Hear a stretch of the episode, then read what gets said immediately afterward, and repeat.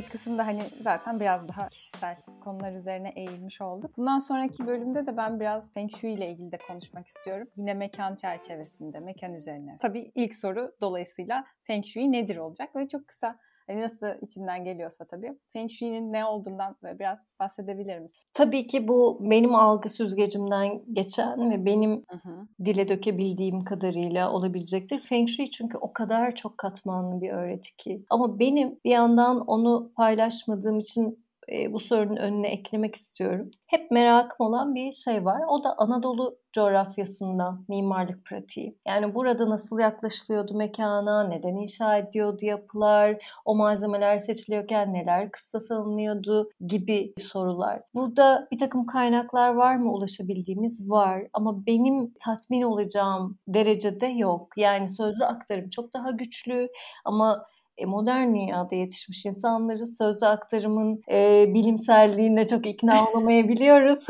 Dolayısıyla da hep böyle bir yazılı kaynak olsun, onun bir tarihselliği olsun diye çabalıyor benim zihnim. Evet. E, sözlü aktarıma gelen şeyleri de bir kenara not ediyor, o ayrı. Ama ve lakin aslında benim merakım bu coğrafyada geleneksel yapılar nasıl inşa ediliyordu, neye göre inşa ediliyordu vesaireyken karşıma Çin coğrafyasındaki gayet işte milattan sonra 200'lerden itibaren yazılı kaynaklara ulaşabildiğim, işte arkeolojik kazılarla 6000 sene öncesinde tarihlendirilen bir sistem olarak çıktı. Bugün gidip buradaki köyleri incelediğimde ya da daha eski e, yerleşimleri Feng Shui esaslarının şahane bir şekilde uygulanmış olduğunu görüyorum. Dolayısıyla bu aslında kolektif bir bilgi bence ve her coğrafyada olan bir bilgi. Özünde de bence Feng Shui şunu yapmayı araştırıyor. Doğanın parçası olan insan doğayla uyumlu olarak nasıl barınaklar inşa edebilir kendine? Hı hı. Bunu oldukça sistematize etmiş durumda. Çünkü Çin sistemi, geleneksel Çin sistemi insanı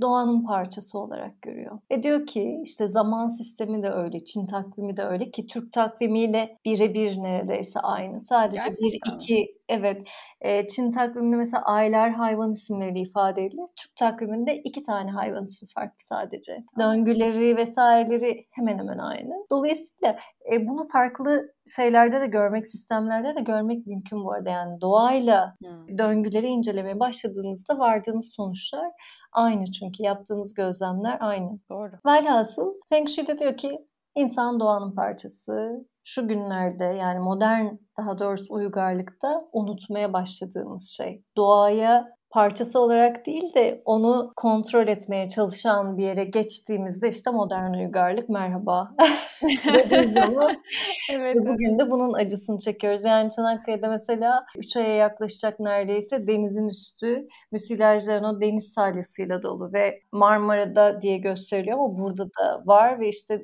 denizlerdeki canlılar ciddi zarar veriyor. Bu sadece bir parçası yani buralardaki maden projeleri onlar bunlar saymakla bitmez. Velhasıl Velhasıl şuraya dikkat çekiyor tekrar Feng Shui. İnsan doğanın parçası ve sen doğada bir yapı inşa ediyorsun. Hı hı. O zaman gel buranın rüzgarı, buranın güneşi, buranın yönlenmesi, buranın işte bir takım matematiksel hesaplarla element haritası dediğimiz hangi bu arazide neresi yapı yerleştirmek için daha uygun onu seçtin. Sonraki ölçekte o yapının içerisindeki hangi işlevler nerelere gelirse bulunduğun yerle daha uyguna kadar bize e, her ölçekte cevap veren bir sistem. Oldukça bütüncül bir sistem ve muhteşem çalışan bir sistem. Bir de Feng Shui nedir deyince şunu da altını çizmek istiyorum. Feng Shui hurafeler değildir. Bugün maalesef çünkü birçok e, Feng Shui kitabında ya da Feng Shui ile ilgili olduğuna dair sosyal medyada karşılaştığım insanlarda Feng Shui'yi bir takım hurafelere, şu şudur bu budurlara bağlamaya çalışan yani biraz hmm. hap bilgiyle evet. e, daha popüler bir şey ortaya çıkarmaya çalışan bir eğilim görüyorum. Feng Shui o da değildir. Yani yere göre, zamana göre, yapının inşa edildiği tarihe göre mesela matematiksel bir takım hesaplar yaparız. Ona göre element haritasını çıkartırız. Genelleme yapılabilecek bir bilgi değildir Feng Shui. Ha doğayla ilgili bazı genellemeler olabilir. Mesela bizim bulunduğumuz yarım kürede güney genelde yönlenmek için iyi bir yöndür. Çünkü işte e, kışın güneşi daha içeriye alabilirsin, mekanı ısıtabilirsin ya da e, yazın güneş daha yukarıdan gider, mekanı güneşten korursun ama gün boyu da doğal bir ışık alabilirsin içeri. Kuzey ve kuzeydoğudan soğuk rüzgar gelir. Oraları mümkünse daha kapalı tutmak, seni kışın içeriği daha kolay ısıtmakla ilgili destekleyebilir gibi bir takım şeylerden bahsedebiliriz ki bunlar mimarlık eğitiminde de zaten öğrendiğimiz şeyler. Ama bunun yanında bir takım işte o elementler ve zaman faktörü işin içerisine girdiğinde mekanı böyle iğne oyası gibi dokuyabildiğimiz çok güzel katmanları da bize sunan bir sistem. Bu güzel özet için teşekkür ederim gerçekten. Rica ederim. Bir, bir anlamda hani her şey o kadar mantıklı ki bu saydıkların özellikle zaten bana şey gibi geliyor. Modern dünya bunları sonradan sonradan keşfedip analizle ortaya koyuyor ve bilim oluyor. Yani bu zaten bir yerlerde var, köklerde var ama asıl orayı unutuyoruz. İşte o kökleri unutuyoruz. O zaman da problem ortaya çıkabiliyor. Evet. Yani modern dünya bilimsel yaklaşım çok kıymetli. Evet. Ve çok işe yaradığı kısımlar var ama yetersiz geldiği kısımlar da var. Oralar işte tam da yani bu biraz şey gibi insan ölçeğinde düşünecek olursak bilimsel yaklaşım, analitik e, neden sonuç ilişkileri vesaireyi zihin olarak düşünelim. Hı hı. Diğer daha farklı katmanları açılan kısımları da mesela kalp merkezi ya da içgüdü merkezi gibi düşünelim. Şimdi biz sadece bilimsel yolla her şeyi açıklamaya çalıştığımızda diğer veri elde edebileceğimiz kanalları kapamış oluyoruz ve o zaman da yetersiz kalabiliyoruz. Modern dünyadaki bilimsel e, bilginin bir takım daha evvelden kullanılan ve çok da işe yarayan, çok ileri uygarlıkların olmasına vesile olmuş sistemleri henüz keşfedememiş olması normal ama orada işte egoya kapılıp hayır henüz bunun nedenini sonucunu anlayamadıysak reddedeceğiz. demek biraz çocuksu geliyor bana. O biraz ergen bir yaklaşım gibi geliyor. Ama artık yetişkin hale gelip bir dakika hadi bir bakalım. Çünkü aslında tenezzül edip mesela Feng Shui ile ilgili Feng Shui danışmanlığı almış yapılar, almamış yapılar, oradaki insanların deneyimleri, diğerlerinin deneyimleri gibi çalışmalara konu etsek aslında belki bambaşka yerlere ulaşıyor olacağız. Doğru. Yani bu da bir yöntem sonuçta. Evet. Yani onu da yine bugünün insanın anlayacağı ve içselleştireceği şekle sokmak da mümkün. Ha mesela bunu sen yapar mısın Tuba desen gerçekten yapmam. Çünkü benim ilgimi çeken mesela o değil. Feng Shui şeyi danışmanlığı almış yapılardaki deneyimle diğerini deneyim. Ama bunu mesela karşılaştırmalı okumalar yapmayı çok seven insanlar var. Onların merakına girse bu konu araştırsalar ne güzel olur. Ben çünkü daha çok böyle o özgün harmanı oluşturup orada denemeler yapmaya heyecan duyuyorum. Ben diğer tarafa girersem sırf bilimsel akılları ikna edebilmek için kendi özgün yapmak istediğim şeyden o vakti vermiş olacağım. Aa evet evet. Sen içinde olmayı seviyorsun ki oyuncu olmaktan da bahsetmiştik. Evet. oyuncu olmayı seviyorsun. Başka birileri belki o tiyatroyu izleyip karşılaştırabilir. Güzel de bir konu olur gerçekten. Aynen öyle. Şahane bir konu olur. Yani genel olarak aslında yaptığın işin hani senin hayatına katkısı elbette zaten ihtiyaçtan yapıyorum diyorsun. Hani içimden gel- geliyor iş olarak değil de hayatın içinde yapıyorum diyorsun. Hani ne şekilde hayata geçiriyorsun bu yetkinlikleri mi diyeyim iş olarak? Bu kısmında sorayım ki kafasında soru işareti kalanlar olacaktır Hı-hı. dinlerken. Hani ne şekilde bunları gerçekleştiriyorsun gibi bir soru. Şöyle mimarlık özelinde bakacak olursak aslında verdiğim e, birkaç hizmet kolu var. Bunlardan bir tanesi e, diyelim ki birisi benden mimari tasarım hizmeti almak istediğinde Hı. bir ona içindeki mimar kim danışmanlığı dedim bu e, tezde çalıştığım konuya. Yani bir gelin evet. bakalım sizinle birkaç görüşme yapalım. Orada sizin özgün fiziksel, duygusal, mekana dair neleri sizi tatmin edeceğini, sizi bütünsel bir şekilde desteklenmiş, ait hissedeceğinizi keşfedelim paket var. Kimi insan için bu ilgi çekici gelmiyor mesela. Kimisi için de çok ilgi çekici geliyor. Hı hı. Ardından eğer tasarım yapacaksam her koşulda zaten Feng Shui danışmanlığını işin içerisine katıyorum. Feng Shui'siz tasarım artık yapmıyorum. Ama ve lakin kimi insanlar da sadece Feng Shui danışmanlığı almak istiyor olabiliyor. Ee, bir de eğer bir yapı inşa edilecekse orada benim de bazı kıstaslarım var. Başta dediğim o gönlüne göre yapmak da buradan geliyor. Ben mesela şunu önemsiyorum. Bu yapının inşa edilmesine gerçekten ihtiyaç var mı? Yani karşımdaki işveren diyelim ki üçüncü evini inşa ettiriyorsa ve gelip orada senede bir hafta kalacaksa ben diyorum ki özür dilerim ama ben projeyi yapamam. Kendime hani doğaya bu kadar malzeme kullanıp orada temeller kazıp bir sürü canlıyı yerinden edip senede sadece bir hafta kullanılacak bir yeri yapma hakkını görmüyorum. Dolayısıyla eğer her şey yolundaysa o yapı gerçekten kullanılacak, yaşayacak ve mümkünse de doğal malzemelerle yani çünkü şunu da etik görmüyorum. Biz mimarlar olarak bir sürü malzeme kullanıyoruz ki son derece zararlı kimyasallar içeriyor ve orada yaşayan insanlar belki hiç sebep yokken hasta oluyor. Migren oluyor, astım oluyor, alerjileri oluyor. Dolayısıyla mümkün olduğunca doğal malzeme içeren ve mümkün olduğunca da böyle yüksek yapılar e, yapmayı tercih etmiyorum. Tabii ki burada da hani çok katı konuşamıyorum çünkü öyle bir proje çıkar ki karşıma gerçekten yüksek katlı yapılması gerekiyordur ve gerçekten topluma hizmet edecek bir yapıdır. Hani orada da Aa, ben yüksek katlı yapı yapmıyorum deyip e, sığ yaklaşacak değilim ama gerçekten hem kullanılacak bir yapı olmasına hem de mümkün olduğunca hem doğaya hem de içinde yaşayacakları bütüncül bir şekilde desteği sunmasına, sağlıklı olmasına önem veriyorum. Evet. Ya burada aslında yüksek katlı deyince çok da tartışmalı da bir konu. Şu anda benim de kafamda bir soru işareti uyandı bu konuda. Bana da sorulmuş bir soru aslında bu. Cevap veremediğimde. Bir taraftan yatay yayılmak var dünyaya bu kalabalığı. Bir de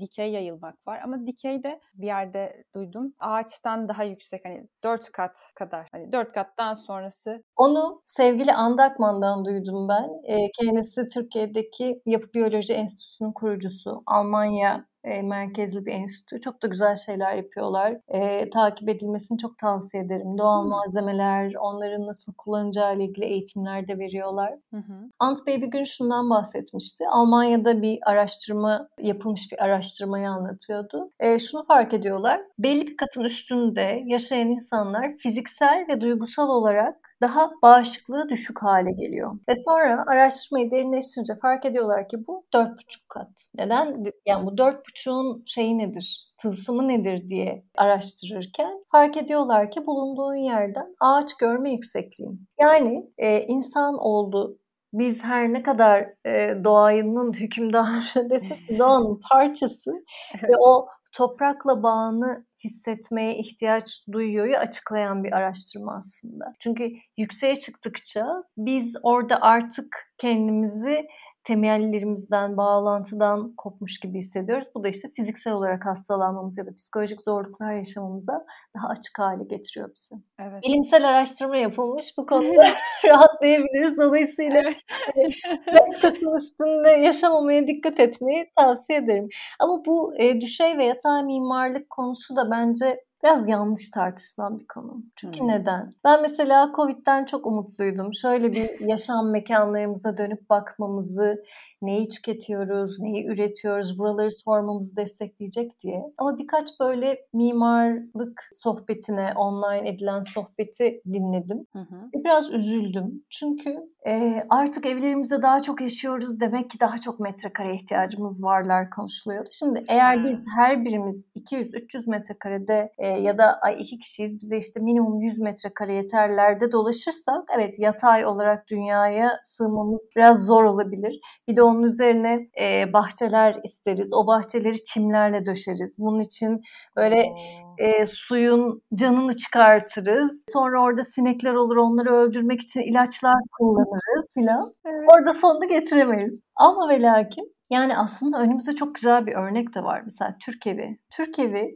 çok yaratıcı bir mekandır. Tek odada bütün işlevler çözülmüş durumdadır ve o sistem şahane bir şekilde işler. Türk evini güzellemiyorum ama hala inceleyebileceğimiz örnekler varken şöyle bir soru işaretiyle bakmaya gerçekten öneriyorum. Çünkü neden? Mesela yatak odası diye bir oda var artık hayatlarımızda. Ama o yatak odasını sadece uyurken kullanıyoruz ve gündüz boş. E peki mesela şeyler böyle katlanan yataklar vardır. Hı hı. Gayet o mekanı diyelim ki eskilerin yaptığı gibi döşekleri serip katlayıp dolabın içine koyarak kullanmıyoruz ama günümüzde gayet şık kalkan bazalar var. Duvarın önünde oldukça estetik bir şekilde de konumlanabiliyor ve gündüz kullanımına da açık hale getiriyor mekanı. Neden olmasın? Dolayısıyla ben belki 20-30 metrekareyi hop azaltmış oluyorum. E bunun yanında işte olmazsa olmazları insanların elbette olacaktır. Yani orada kişinin kendini iyi hissetmesi, ait hissetmesi önemli. Ama şu an günümüzde ne kadar metrekare kullanıyoruz da bunların hangisine gerçekten ihtiyacımız var?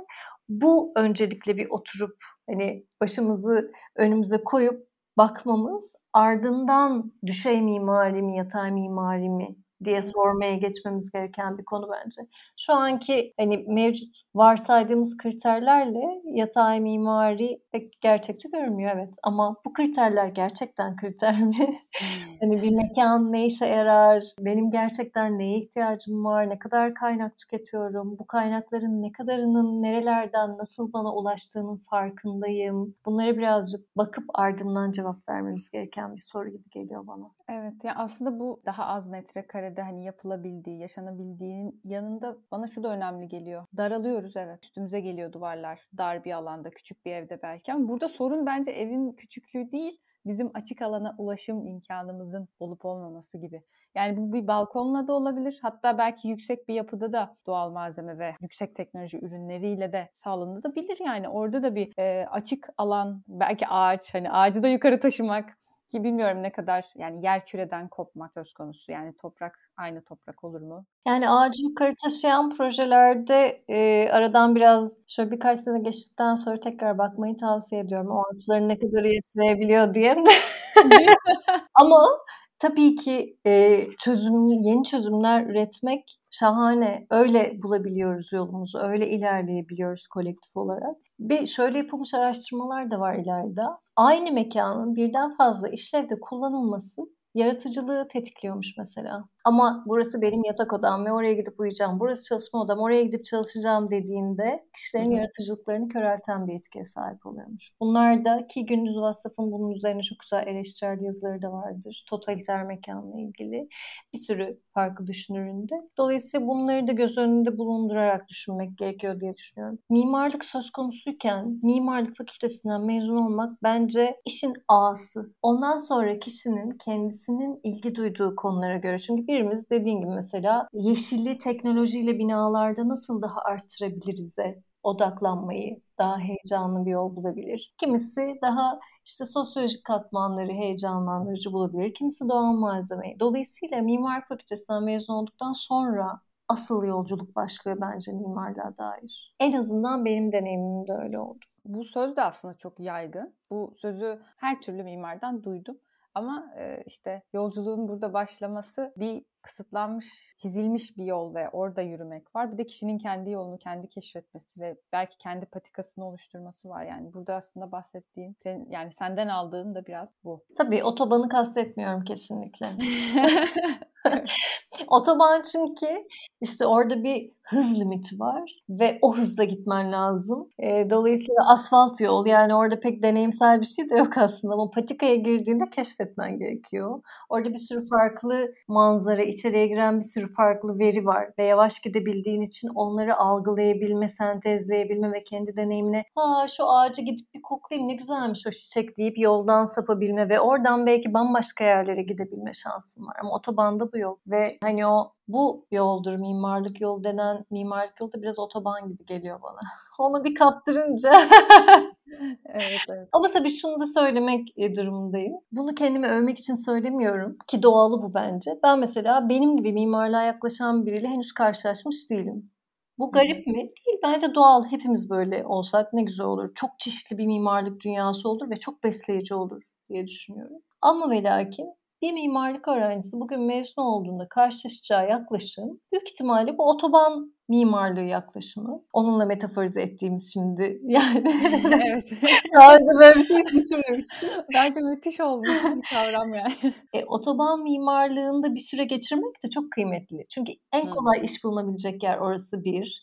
Bir, evet. benim deneyimimde olduğu gibi bunun nereleri bana uygun, nereleri değil deyip bir içeriden bakabilmek için büyük bir fırsat. Ve bir yandan da kendi istediğini hem biraz böyle vakit geçirip görmek hem de o sürece kadar da maddi gelir elde edebilmek için farkındalıkla benim mimarlığım nedir sorusunu içeride tutarak ama o sürecinde bir parçası olmak kıymetli diye düşünüyorum. Benim mimarlığım. Evet onu bulmak. Burada peki mesela faydalı olacaktır diye düşünüyorum. Daha somut bir örnek olması açısından. Kendi gözleminde somut bir örnek verebilir misin? Feng Shui'yi uyguladım ve şöyle oldu böyle oldu. Bilmiyorum nasıl tarif edersin ama belki bir hikaye var mıdır acaba? Var çok var. Ama en basitinden geçen sene olan bir örnek ilk aklıma geldi onu paylaşıyor olayım genç bir çifte danışmanlık verdim. Bir de küçük bebekleri vardı ve uyku, ciddi uyku problemi yaşıyormuş. Ondan sonra e, Feng Shui danışmanlığı verdim. Sonra sağ olsunlar hemen harekete geçtiler ve bunu hayata geçirdiler mekanlarında. Ve aradan bir hafta geçmeden aradılar beni. Bebeğimiz uyuyor Tuğba sağ olasın. Ha, çok tatlı. Ben de dedim ki siz sağ olun. Siz beni buldunuz ve bunu. Çünkü bir yandan e, Feng Shui danışmanlığı biraz şey gibi Hani doktora gidersiniz, derdinizi görür, size ne yapmanız gerektiğini söyler, gerek egzersiz, gerek hmm. ilaç vesaire. Ama kimimiz kullanırız, kimimiz kullanmayız. Onlar hemen harekete geçip hemen mekanlarında bütün düzenlemeleri yaptılar. Ve bebekleri üzerinden de hemen geri dönüşü aldıklarını paylaştılar benimle. İlk aklıma gelen örnek bu oldu. Güzel bir örnekti. Teşekkürler. Rica ederim.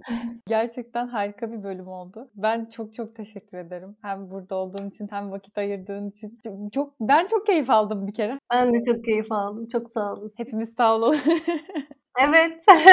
Her birimizin renkleri o kadar güzel ki diliyorum biz dinleyen arkadaşlarımız da kendi renklerini ifade etmek ya da hali hazırda o rengarenk hayatlarını ifade ediyorlarsa bunun ne kadar kıymetli olduğunu tekrar bir hatırlamak evet. için bir fırsat olsun bu. Eğer cesaret edemeyen dostlar varsa da belki bir yerlere böyle rameni yazıp yapıştırabilirler. Aa, evet, evet. Hatırlamak. Ya da telefon ekranında falan. Çünkü gerçekten hepimiz o kadar renkliyiz ki ve bu renkler modern dünya, modern uygarlık bir şeyleri biraz ayrıştırarak bakmayı seven öyle bir eğilime sahip. Bu dediğimiz gibi yine çok işlevsel ama bütünü kapsayamayan bir yaklaşım. Dolayısıyla işte en güzel ekonomi yolu budur, en güzel politik yol budur, en güzel tıp budur dediğimizde onun dışında bizi besleyebilecek şeylerden mahrum kalıyoruz. Halbuki hepimizin bu dünyaya geliş amacı bir rengi var. Bunu keşfetmek ya da keşfetmemek mümkün.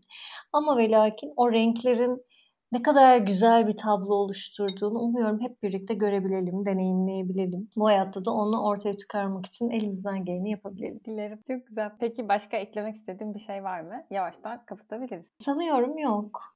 O zaman diğer bölümlerde görüşmek üzere diyelim. Takipte ve hoşça kalın.